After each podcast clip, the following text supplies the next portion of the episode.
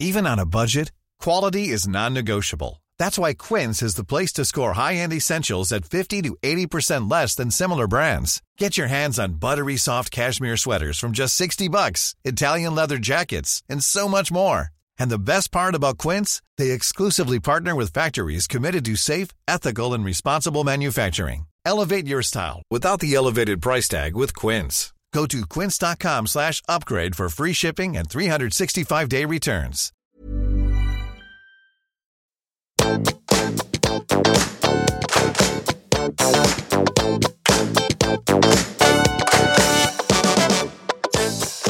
Hei alle sammen, og velkommen tilbake til podkasten Karriereveiledning med Elaine. Ukes episode skal handle om alt det du ikke er, alt det du mangler, alt det du ikke kan, og alt det du burde ha hatt.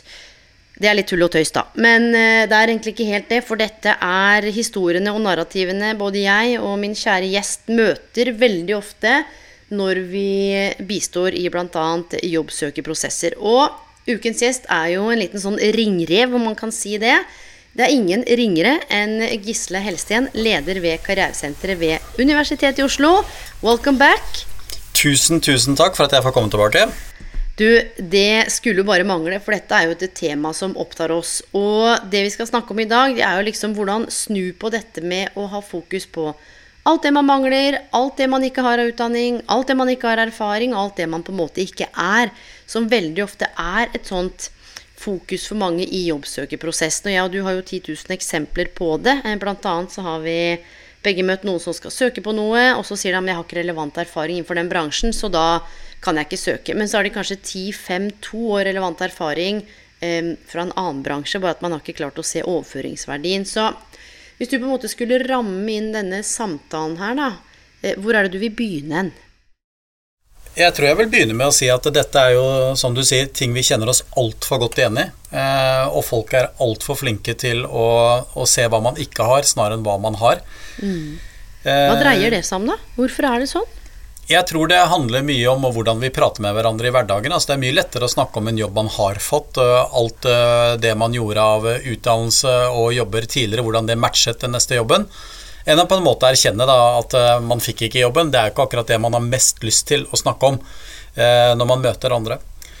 Og så tror jeg også det er en sånn iboende kraft i oss, at vi, vi ser ting fra en vinkel som gjør at det som ligger foran oss, virker uoppnåelig, fordi vi kanskje mangler ett av 17 punkter i en stillingsannonse. Og så henger vi oss litt opp i det. Det jeg ikke har, er mye lettere å se enn det jeg faktisk har. Og handler ikke dette her litt om eh, hvordan man kanskje underveis eh, i jobbsøkerprosessen eh, kan konkretisere og på en måte komme med noen historier og eksempler knytta til kanskje overføringsverdi i egen kompetanse, mer enn å bare tenke over at ja, men jeg har jobba fire år på Kiwi, eller to år har jeg vaska en trappeoppgang, eller jeg har jobba eh, som miljøarbeider i fire år, f.eks. Eh, at man på en måte forsøker å ramme det inn eller eksemplifisere det. Kan det være noe som er til hjelp? Eksempler er uh, det aller beste. Uh, eksempler fra din egen CV, din egen historie, uh, som gjør at det ikke blir en påstand, men et argument at man har noe. Og så tror jeg det er kjempeviktig at man ser dette her også litt ut fra arbeidsgivers behov. Fordi arbeidsgiver, de må ha en viss form for formalia på plass, altså type erfaring, type utdanning men det er bare check for å være kvalifisert til å bli vurdert. Resten kommer da eh, veldig tydelig fram. Mm. Også, ja, jeg har en eh, oppfordring til alle som lytter på dette her. Det er ikke være for streng med seg selv. Eh, det er ordet Ordet 'bare' det er noe jeg syns eh, er et veldig slitsomt ord når det gjelder jobbsøking, fordi det er slett å bruke. Og det er for å på en måte ikke si noe som ikke er helt sant så sier man gjerne selv om jeg bare har en bachelorgrad, søker jeg allikevel. En bachelorgrad det er tre års høyere utdanning. Det, det er ikke noe bare bare, det kan jeg love dere. Det er, krever mye arbeid. Så for hvem det er bare for, det er nok mest sannsynligvis for deg selv, eh, og ikke for så veldig mange andre. Jeg tenker du er inne på noe viktig nå som dreier seg om dette å skille mellom fakta, følelser og antagelser. At vi bruker mye tid i en jobbsøkerprosess på å eh, fantasere og fabulere og skape historier om hva Eh, de som har skrevet annonsen, er ute etter. Og en ting er at arbeidsgivers perspektiv på en konstruktiv måte. Men så kan du ta det perspektivet på en litt mindre hensiktsmessig måte, sånn som vi snakker om nå, og begynne å fantasere om at du ikke har noen ting fordi det står ikke svart på hvitt. Men nettopp dette, hvordan man kan finne ut av det, er jo enten å bruke nettverket sitt, ta en telefon, eh, rett og slett øve på å trekke disse trådene og parallellene og få satt ord på egen kompetanse og beskrevet hvordan det er viktig i rollen, da. Og det sitter litt langt inne, og det skjønner jeg, fordi hvis jeg liksom skulle tenkt 15 år tilbake, da, liksom, før jeg begynte med det, sånn Ja, det er jo ikke så lett å se omfanget av seg sjøl hele tida. Eller komme på alle historier og eksempler. Hva, hva, anbefaler du at folk skal gjøre for å bli litt bedre kjent med seg sjøl i prosessen? da? Jeg syns de skal skrive ned to ord foran seg selv på en gul lapp. Det ene ordet er eh, bare det har vi prata om litt nå. Og så er det det andre som du er tydeligvis livredd for, da, sånn som du beskriver det nå. Det er å skryte. Uh, å skryte, Elaine, uh, det kan du egentlig godt gjøre litt mer av. Uh, fordi når du ser tilbake til de siste 15 årene dine, så er jeg sikker på at du har fått til veldig mye bra. Det vet jeg jo. men så kommer det der som man sier til seg selv, og i hvert fall til sånne som meg og deg, da. Men jeg kan jo ikke skryte av meg selv. og det er jeg helt enig med deg i. Eller meg, nå er jeg faktisk enig med meg selv, for det var jeg som tok det opp. Og det er uh, ja, det er Enda nydelig. bedre. Enda bedre, for da blir det riktig, i hvert fall. Men ordet skryte for meg, det handler om å ikke fortelle hele sannheten. Uh, det handler om å gjøre det mye, mye, mye mer enn hva det faktisk er. Uh, og det skal man ikke drive med. Altså, da blir man avslørt hvis man kommer og forteller at man har oppnådd noe som man virkelig ikke har oppnådd, så er jo det tilnærmet en løgn. Men det å fremheve egne prestasjoner, det å trekke fram når du fikk en god kundeopplevelse og du fikk feedback på det, det å trekke fram at du har gjort det bra når du har studert, det å trekke fram at du har prestert, da, det er ikke å skryte. Det er å fortelle en litt, i norsk kontekst, klein historie om deg selv. Men hadde du bodd i USA, så hadde du gjort det med største selvfølgelighet. Så dette med å skryte eh, Skriv det ned på en lapp for deg selv, kjære lytter, og se på hva er det som egentlig er skryt ved din historie, og hva er det som egentlig er noe du faktisk kan og bør fortelle, slik at du skinner enda litt bedre i søkebunken når du sender av gårde din søknad? Og det kan jo være ting som også ikke er nedfelt i en stillingsinstruks, som er litt viktig å være oppmerksom på. Det kan jo være at du tok på deg noe ekstra ansvar, eh, gjorde noe i forhold til opplæring, eh, utvikla noen nye ferdigheter fikk gjort et eller annet som, eh, som, du kjente at Oi, her fikk jeg brukt kanskje ferdighetene mine, eller du får vist fram motivasjonen din. For det er jo det er egentlig ikke sånn one size fits all. Selv om uh, man kan si noen ting om å strømlinjeforme jobbsøkerprosesser, så har jo alle sin individuelle historie. Jeg tror noe av kjernen i det vi er inne på nå, handler om å uh, på en måte eie sin egen historie og skape sitt egen narrativ. Skille mellom dette med fakta, følelser og antakelser. Og um, være bevisst hva man kan kontrollere og ikke. Som du kanskje kan si på en litt enklere måte enn det jeg har lyst til å forklare det som. Så hvordan kan man skille på hva man kan, kan, kan ta kontroll over og ikke? Jeg syns det er viktig å sortere i to hauger. Altså det du kan ha kontroll på selv, og det du ikke har kontroll på selv. F.eks. fra du sender uh, av gårde søknaden din på webkruter eller en e-post eller hva det måtte være, så er den søknaden litt ute av din kontroll. Da er det arbeidsgiver som vurderer den. Hvem andre som har søkt, be om utvidet søkerliste, sette seg inn i alle de tingene der, det, det gir ikke så mye eh, hva skal vi si da, tyngde når du skal inn til selve intervjuet. Men det du kan gjøre, og det vil jeg nesten utfordre alle lytterne på, uavhengig om de søker jobb eller ikke søker jobb. Prøv å sette deg ned og lage en liste over ting du har fått til, ting du er god til, ting som du virkelig eh, kan få feedback på at du har gjort på en god måte. Og Av og til skal det være litt vanskelig å gjøre aleine, eh, men hvis du har en kollega, en du jobber med i kollokviet på studiene, en som har lyst til å ta det rollespillet sammen med deg, så er det min erfaring at eh, andre er det lett å prate om hva er flinke til. Men å gjøre det om til seg selv er noe vanskeligere. Da kan man bare speile det, da. Du, Elaine, du er usedvanlig dyktig til å ta ting relativt på sparket og levere høy kvalitet. Det vet jeg. Eh, jeg har observert det mange ganger. Eh, du, Elaine, du er kjempeflink til å snakke med studenter og sette seg inn i deres ståsted. Det vet jeg, for det har sett. Og Hvis jeg, du sitter og sparrer og speiler litt på de tingene så kan vi lage en ganske lang liste. Men du, da må jeg komme med én ting til deg, da. For det er jo veldig hyggelig. Eh, og så er du inne på noe viktig nå, for når du sier dette her, så måtte jeg virkelig lytte, for jeg trodde du skulle tøyse litt og være litt sånn vi har en god tone, litt sånn ikke ironisk eller sarkasme, vi skulle tøyse litt, men når du sa det, så, liksom, så tok jeg det til meg. Så kjente jeg sånn, ja, vet du det stemmer. Og det er noe med å tåle å ta til seg den feedbacken nå. Og jeg skal ikke bruke akkurat dine ord, men jeg har jobbet med mange ledere de siste 15 årene. Jeg har selv vært leder i mange år, og du er nok en av de aller um, Jeg liker ikke ordet dyktig, men aller jo, dyktigste lederne jeg har observert og lyttet til. Og det handler om flere arenaer. Det handler om relasjonskompetansen, ikke sant? Eh, fagkompetansen innenfor det du holder på med. Og det, eh, å kunne tåle å ta imot det uten å fleipe det bort. For det er det folk sier sånn Herregud. At man, man, tøyser det bort. Og så er det som om når, man ikke, når den sier noe hyggelig, da, om man skulle sitte i en sånn kollokvis, så blir det på en måte ikke tatt på alvor. Ja, men Jeg får bare ta ditt og tilbake og si tusen takk for det. Det tar jeg til meg. Men nå skal ikke vi sitte her og skryte av skal hverandre. Vi? Jo, vi kan godt gjøre det litt, vi, men ikke ja, men så du, mye. Vi skryter jo ikke, da, for vi er, jeg jugde ikke. Skryt, nei, det er helt riktig du? bra. Der tok Nei, overhodet ikke. Fy fader, Gisle, nå, nei, men, altså. Nei, nei, nei, nei, dette her er Det vet du er så sannferdig. Men hensikten med dette er å gi noe ja, verktøy til de som lytter. Og det, det er en ganske hva skal vi si, eh, vanskelig og unorsk øvelse å ta tak i. Men av og til så er det å invitere noen over hvor nettopp det skal være tema. For jeg er ganske sikker på, Alain, når vi tar på oss det også seriøse blikket, så kan jeg og du lage ganske lange og gode lister om hverandre. Det vet jeg. Eh, og du har vært flink til å gi meg noen feedback som jeg ble skikkelig flau på, og gjorde akkurat som du sa, tøysa det bort og bare sa nei, nei, det kan vel alle. Og det handler om disse barene. Det er ikke bare bare det vi kan. Eh, det er faktisk eh, mye som er i ethvert individ. Og det å lete etter hva skal vi si Det fine, det eksepsjonelle, det man virkelig behersker, det er mye vanskeligere enn å peke på hva man ikke liker, og hva man er dårlig til.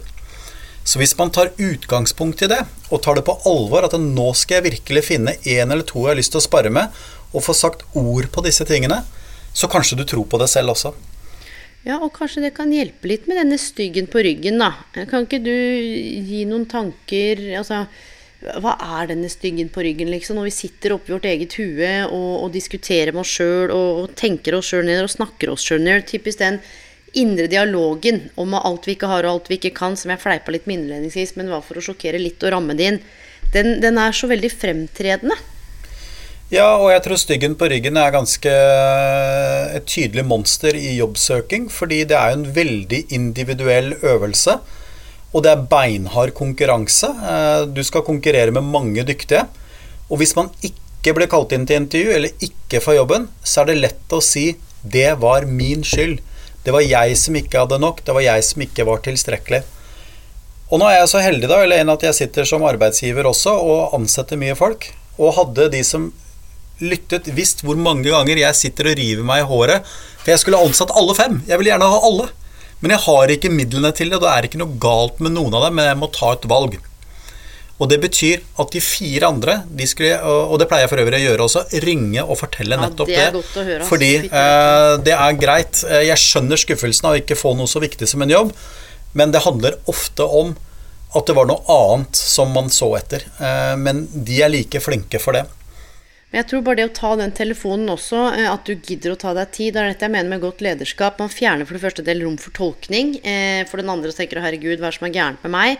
Eh, og så er det kanskje det femtiende avslaget vedkommende får, eller det første.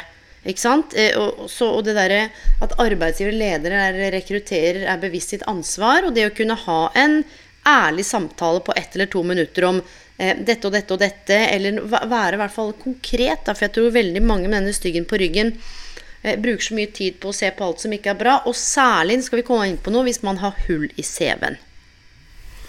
Men du sa noe veldig interessant der som jeg har lyst til å bare følge opp. Eh, du sa 50 søknader eller 100 søknader, og det leser vi om i avisene.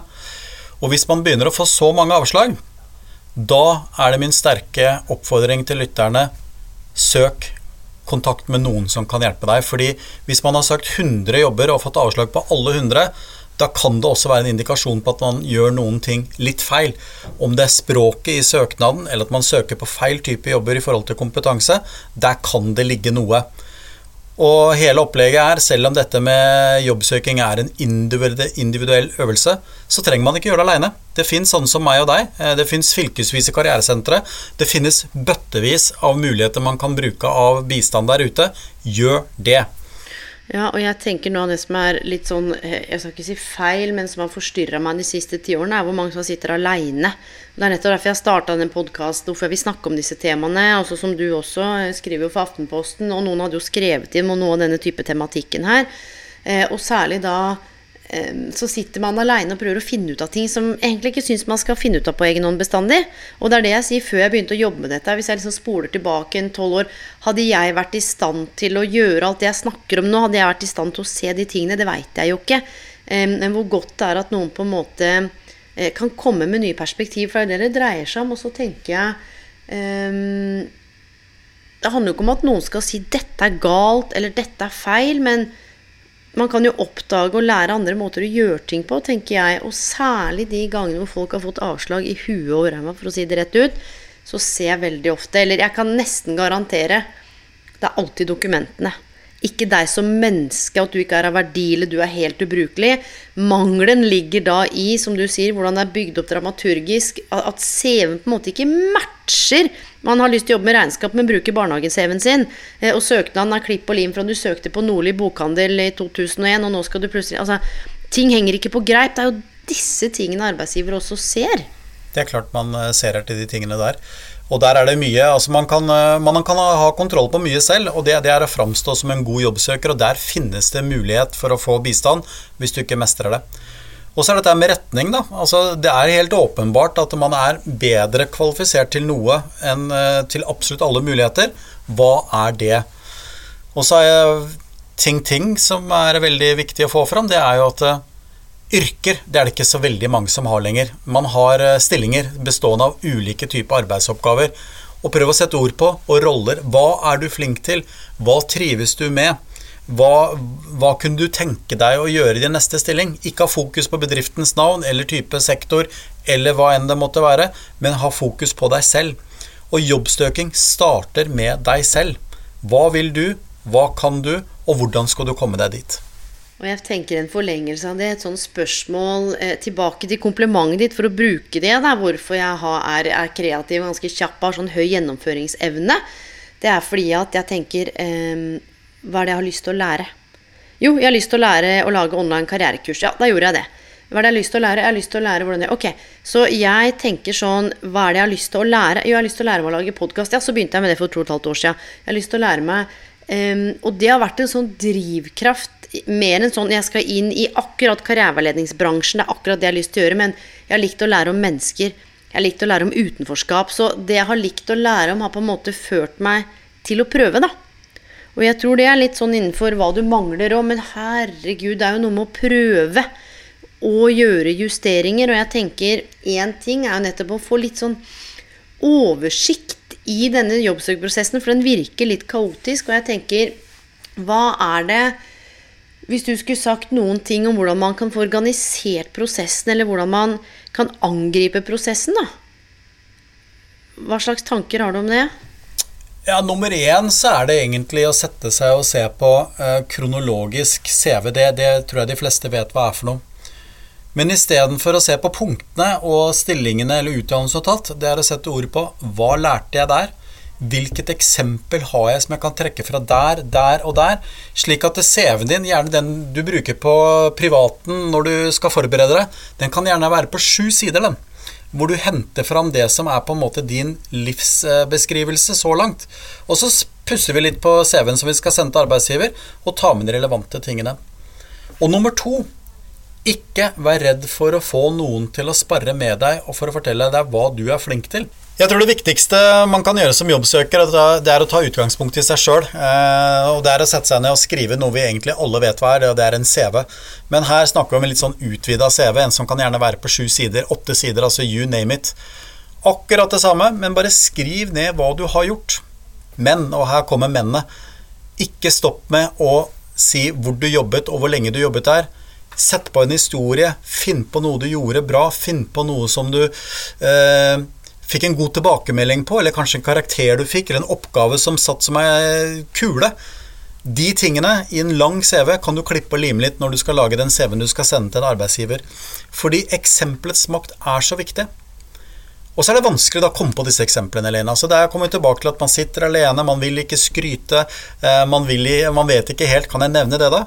Det er her sparringspartnerne, enten en du har i nettverket ditt, eller en som du kan få fra et karrieresenter, eller hva det måtte være, hvor du kan være med å trekke ut disse gode historiene.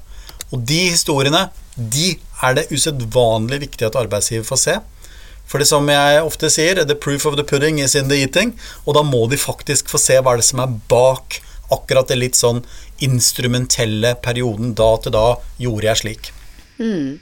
Og jeg tenker også igjen dette med å sette ord på kompetansen. Så det å bli kjent med kompetansen sin, få det ned på papir. Nummer to, bli bevisst på en måte dette med å eie sin egen historie. Hvordan du snakker til deg sjøl, hvordan du behandler deg sjøl. Og det er litt tilbake til jeg har lyst til å, å ta opp kort før vi skal avsløre. Det er dette med hull i CV-en. Um, hvordan legge fram hull i CV-en til en arbeidsgiver. og en ting er at ok, du har blitt kalt inn på intervju, der har du allerede bygd opp noe kredibilitet, så det spørsmålet kan komme mest sannsynlig. Så det er todelt. Det spørsmålet er hvordan adressere eh, mangelen som mange opplever. Sånn at jeg har ikke eller har vært borte, har hull i CV-en, som ikke jeg liker at det heter for øvrig. Hvordan adressere det i CV. Og nummer to, hvordan formidle det til arbeidsgiver. For frykten for det spørsmålet, og dette jobber jeg med daglig Hva skal jeg si? Hva hvis de spør? Altså, man har ikke blitt kjent med seg sjøl og sin egen historie. Så man gruer seg så fælt. Ja. Hull i CV-en. Jeg, jeg, tror vi har uh, mange ting felles, men det er vel kanskje det vi har mest uh, felles, Helen. Det er at vi begge to misliker det begrepet sterkt. For det hullet i CV-en, det høres ut som man har uh, reist ut av denne atmosfæren og sittet på Mars og ikke vært til stede i det hele tatt. jeg pleier å si at det du har gjort, det er det du skal fylle inn i en CV. Noen ting er ikke alltid utdanning, noen ting er ikke alltid arbeid. Men hva var det? Så er det to viktige ting der. Og det er at jeg møter dessverre altfor mange som har disse såkalte hullene i CV-en, som lar hullene definere hvem du er som person. Og så er det jo visse ting da som jeg overhodet ikke aksepterer som et hull. Eksempelvis eh, at man har fått barn og har vært borte fra arbeidslivet i to år fordi man valgte å være litt ekstra lenge hjemme. For meg så er det bare å forklare hva du gjorde, og det er et valg, og det er på en måte enten legitimt eller ikke legitimt. Og hvis arbeidsgiver ikke liker det, ja vel, eh, så vet du det. Og så har du noen hull eh, som det kan være litt eh, vanskeligere å forklare. Vi prater gjerne om sykdom eller andre typer ting. Det kan det være nyttig å prate med noen andre om, enten det er fastlege, en karriereveileder, hva det måtte være. Men her kommer clouet. En CV er alltid fortid. En søknad er alltid framtid. Så la ikke det som tilhører fortiden når du er jobbsøker, definere innholdet i søknaden din. Du skal ta med deg den kompetansen du har. Du skal argumentere for at du kan løse jobben i framtiden. Og så får eventuelt arbeidsgiver stille spørsmål med de eh, oppholdene du har hatt i CV-en din. Det er ikke din jobb å forklare det.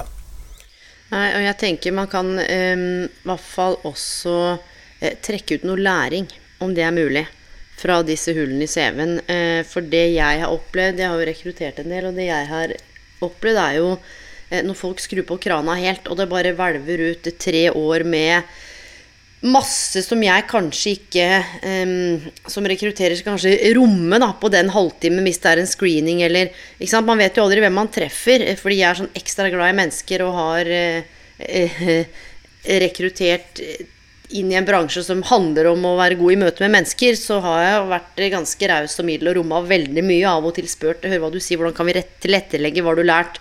Um, men det er jo noe med liksom å passe på man skal ikke være uærlig, men det er jo ikke sånn at arbeidsgiver trenger å vite alt i det første møtet de siste fire åra med samlivsbrudd eller kanskje følelsesdepresjon. Og det er ikke det at jeg sier at man ikke skal si 'dette må alle kjenne på'. Jeg vil, jeg vil at folk skal slutte å skamme seg, og jeg vil at folk skal også um, utforske og være nysgjerrig på å oppdage hva slags kompetanse eller ferdigheter eller egenskaper har jeg fått av å håndtere det å bli permittert det å kjenne på depresjon hvis man eh, kanskje har begynt å få noe hjelp Hva er det jeg kan ta med meg av det inn i til en arbeidsgiver uten å nødvendigvis være eksplisitt, men si disse to årene her var virkelig tøffe, for livet, livet, skjer. Det kan jo være at du har tatt av noen, det kan være masse ting, men si det jeg har lært, det er Og inn i denne rollen, i denne omsorgsboligen, så ser jeg at dette er en av nøkkelkompetansene.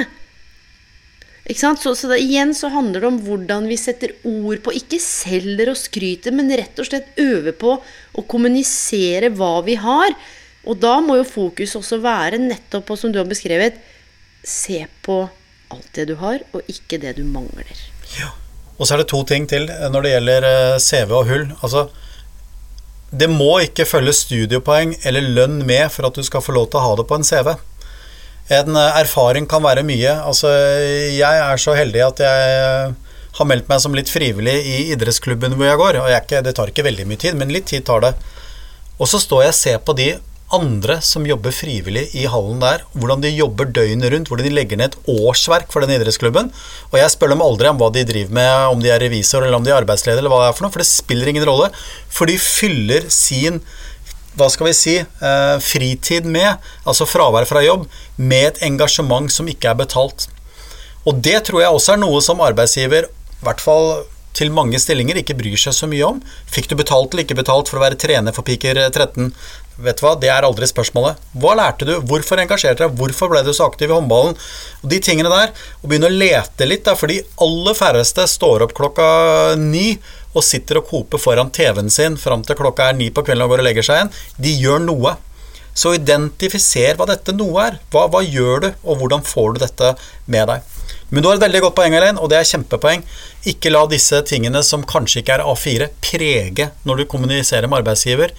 Det som skal prege, er hva du kan tilby, hva du kan bidra med. Og kjære lytter, jeg er helt sikker på at de aller, aller fleste av dere har så mye å fare med, bare man tør å sette ord på det. Og jeg tror det er en sånn fin måte å, å nærme oss slutten på, fordi alle de tusen, tusen, tusenvis av menneskene vi har møtt i sammen og lytta til og lært av og oppdaga og perspektivbelyst og Det er det gapet av og til mellom hva jeg og du ser, hvor, fantast, altså hvor mye spennende vi ser av ferdigheter, egenskaper, bidrag, og hva de selv ser. Og det er sånn som alltid fascinerer meg. Eh, og jeg kan gå ut av en veileder og tenke vet du, herregud, jeg er så blåst av banen at uh, hadde jeg hatt litt av det der, eller fått litt av den studieteknikken, eller litt av den derre uh, kjærligheten for det fag... Herregud. Bare kom Hvorfor ser det ikke sjøl? Kom, kom, en liten digresjon der til akkurat det. For jeg satt med, det er en del år siden, jeg satt med en student som studerte informatikk snart ferdig med bachelorgraden sin og hadde middelmådige karakterer og var ganske fortvila på mitt kontor. Så stilte jeg spørsmål har du gjort noe på fritiden. Har du gjort noen ting? Nei, ingenting.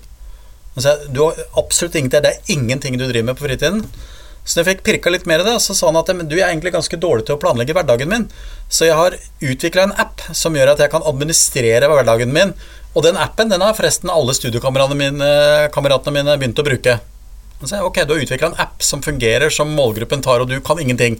Så begynte han å se det, men jeg fikk jo ikke betalt for den appen. Nei, det er ikke viktig. Det der er så Og det er litt sånn samme med gaming òg. Nå er ikke det sidestilt med å utvikle en app, men det er også en sånn Ja, men jeg har bare spilt, eller jeg har bare Og jeg så det var en artikkel ute om gaming, dette har jeg sagt i ti år òg, det er jo du òg. Jeg jobbet med en ung kar, jeg lurer på 2011, jeg, som jeg jobba med Nei, jeg har ikke en dritt. Jeg har ikke en dritt? Hva er det du holder på med? Jeg spiller. Og guri land, det var jo leveling opp, og det var jo faktisk penger i det, da. Også, og bare spilte opp karakterer for andre. Og det er noe med ferdighetene i å skulle game, evnen til å lytte, skape Det er så mye ferdigheter og så mye greier i det spillverden som bare er direkte overførbart ut i noen av jobbene som fins, da. Og vi pleier å si det at ingen kompetanse liksom er, er bortkasta, eller ingen erfaring. Jobbet med en som sa ja, men jeg vasker jo bare eh, hele trappeoppgangen i blokka liksom, til foreldrene mine. Har gjort det i ti år, da. Eh, fordi samtidig så stakk hun alltid innom foreldrene. Så det var ikke bare det at hun vaska trappa og trengte penger, men det var en sånn det var forbundet med noe å besøke foreldrene, de var eldre, ta seg tid. Snakka med litt av de andre altså, så, så, det var mer enn å bare vaske trapper. Og det hun sa som er litt så godt, jeg sa det vaske trapper, vi utforska det litt. Hvordan kan det være viktig? Og den yrkesstoltheten, da. Selv om det var noe så banalt som renhold og vaske trapper, så måten hun vaska de trappene på, det var liksom Dette er viktig, for hvis jeg ikke vasker, så ser du ikke bra Altså, Bare det å ta med seg noe sånt nå, det er jo da jeg sitter og tenker å herregud, så fantastisk. Ja da, og så skal vi være litt sånn, vi må stikke fingeren litt i jorda her også, Elaine, og si at noe erfaring er mer relevant enn annen, men veldig lite erfaring er irrelevant. Det er det som er poenget. Så, så vi, vi, skjønner det, vi som jobber med dette, at det, eh, noen ganger så er en viss type erfaring mer relevant enn annen. Men det er veldig lite erfaring som er noe som er så tabubelagt at det kan vi ikke ta opp og nevne for arbeidsgiver. Så grav i det du har, og ikke minst, som du sier, eh, fortell om hvorfor du gjorde det, hva du fikk ut av det, hva lærte du, og her kommer det viktigste, hva kan du ta med deg til neste jobb? Og med det så tenker jeg at uh, this show is coming to an end. Er det noe helt avslutningsvis du tenker sånn Å, oh, det må jeg få sagt. Ikke vær så streng med deg selv. Ikke bruk ordet 'bare'. Å skryte er å fortelle en løgn. Det trenger du ikke å gjøre, men de aller fleste av oss kan bli flinkere til å ta til oss positiv feedback på en veldig god måte, og anvende den. Og det er der smerten ligger. Anvend den gode feedbacken du får fra andre. Og jeg tror eh, det kan man knytte på sånn avslutningsvis. Være litt nysgjerrig på hva slags verdi man opplever at man har. Um, og jeg spør ofte folk jeg jobber med Eh, på en skala fra 1 til 10. Hvor motivert er du for å få jobb? 10. På skala fra 1 til 10, hvor viktig er det? Det er 10. På skala fra 1 til 10, eh, i hvor stor grad har du tiltro til at du er verdig eller fortjener den jobben, at du får den? Det er gjerne sånn to. Så det er sjelden at det står på motivasjon eller viktigheten. Eh, og Istedenfor å si 'ja, men herregud, og du kan så mye, og kom igjen', så sier jeg sånn 'du, jeg undrer meg litt'. Hvorfor har du ikke satt null? Og, da, eh, og dette er en viktig øvelse å gjøre, for da kan du begynne å fremme ditt eget endringstall. Da kan du jo tenke sånn Men jeg har jo litt erfaring. Jeg satt ikke null, fordi jeg har jo jobba i butikk. Å ja, hva gjorde du der? Så det er mange innfallsvinkler, men denne her episoden var mer sånn til alle som eh, Vi ser dere, og vi hører dere, og vi vet at tankene og følelsene er der, og det er faktisk mulig å gjøre noen ting med. Um, og ikke sitte aleine med det tankekjøret og det greiene her. Det er ikke noe godt for prosessen heller. Og så har jeg en avslutningsting til, eh, til, som jeg har lyst til å ta med. Vet du hva det er? Jeg, vet, møter, jeg møter veldig mange søkere som har hørt at Ja, hvor har du hørt det igjen? Uh, har du en kilde på det? Uh, jeg og du f.eks. har jo hørt at syv av ti stillinger aldri lyses ut. Det er tallet. Det har jeg lett etter det. Jeg har også hørt at det er tilfellet, men jeg har aldri klart å få noen dokumentasjon på det. Så når du har hørt at ting er, undersøk det, for det er slett ikke sikkert at det er sånn. Mm. Nydelig avslutning, Gisle. Jeg tror de fleste veit hvor de finner deg nå, eller har du lyst til å liksom bare slenge ut hvor vi kan finne ut av mer om deg? Eller Litt kanskje tjenestene, ja. Gå på LinkedIn-profilen til meg og Elaine. Uh, tjenestene de kan du bruke spesifikt hvis du studerer på Universitetet i Oslo eller annen SIO-institusjon, men la oss slå et varmt slag for satsingsfeltet i Norge, fylkesvise karrieresentre og de tjenestene de tilbyr. Det er bare å ta kontakt. De er der og sitter og trommer for å få mer informasjon. Og karriereveiledning.no er gratis. Ikke minst. Ikke minst. Den er kjempebra. Uh, da, mine venner, eh, god kveld eh, hvor enn du er i verden, eller god morgen og god lytt. Og Gisle, takk for at du satte av din dyrebare tid som leder. Faktura kommer, Helene. Eh, ja, det gjør den jo hver gang, så jeg får like sjokk, men jeg glemmer den jo, så Hver gang. Du, vi snakkes, Ikke fatt en krone ennå, det er notert. Du, takk for at du ble med. Vi, det er ikke så lenge til vi ses, men det kan vi jo fortelle om eh, litt seinere. Ja. Ha det godt, da. Cheerio. Ha det.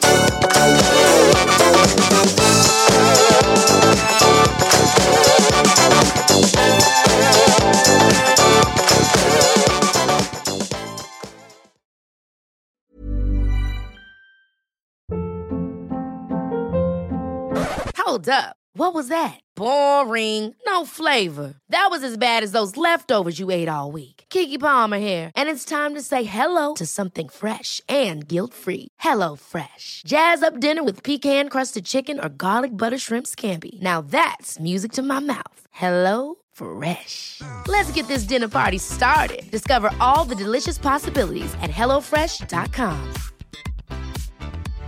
My business used to be weighed down by the complexities of in person payments.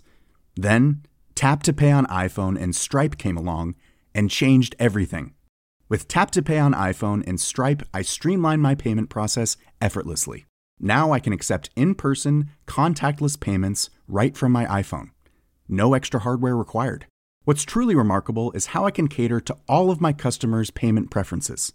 Whether they're using cards, Apple Pay, or other digital wallets, Tap to Pay on iPhone and Stripe ensure a smooth checkout experience every time. And it's not just me. Stripe helps businesses of all sizes, from local markets to global retailers, scale quickly and stay agile. To learn how Tap to Pay on iPhone and Stripe can help grow your revenue and reach, visit stripe.com slash tap iPhone.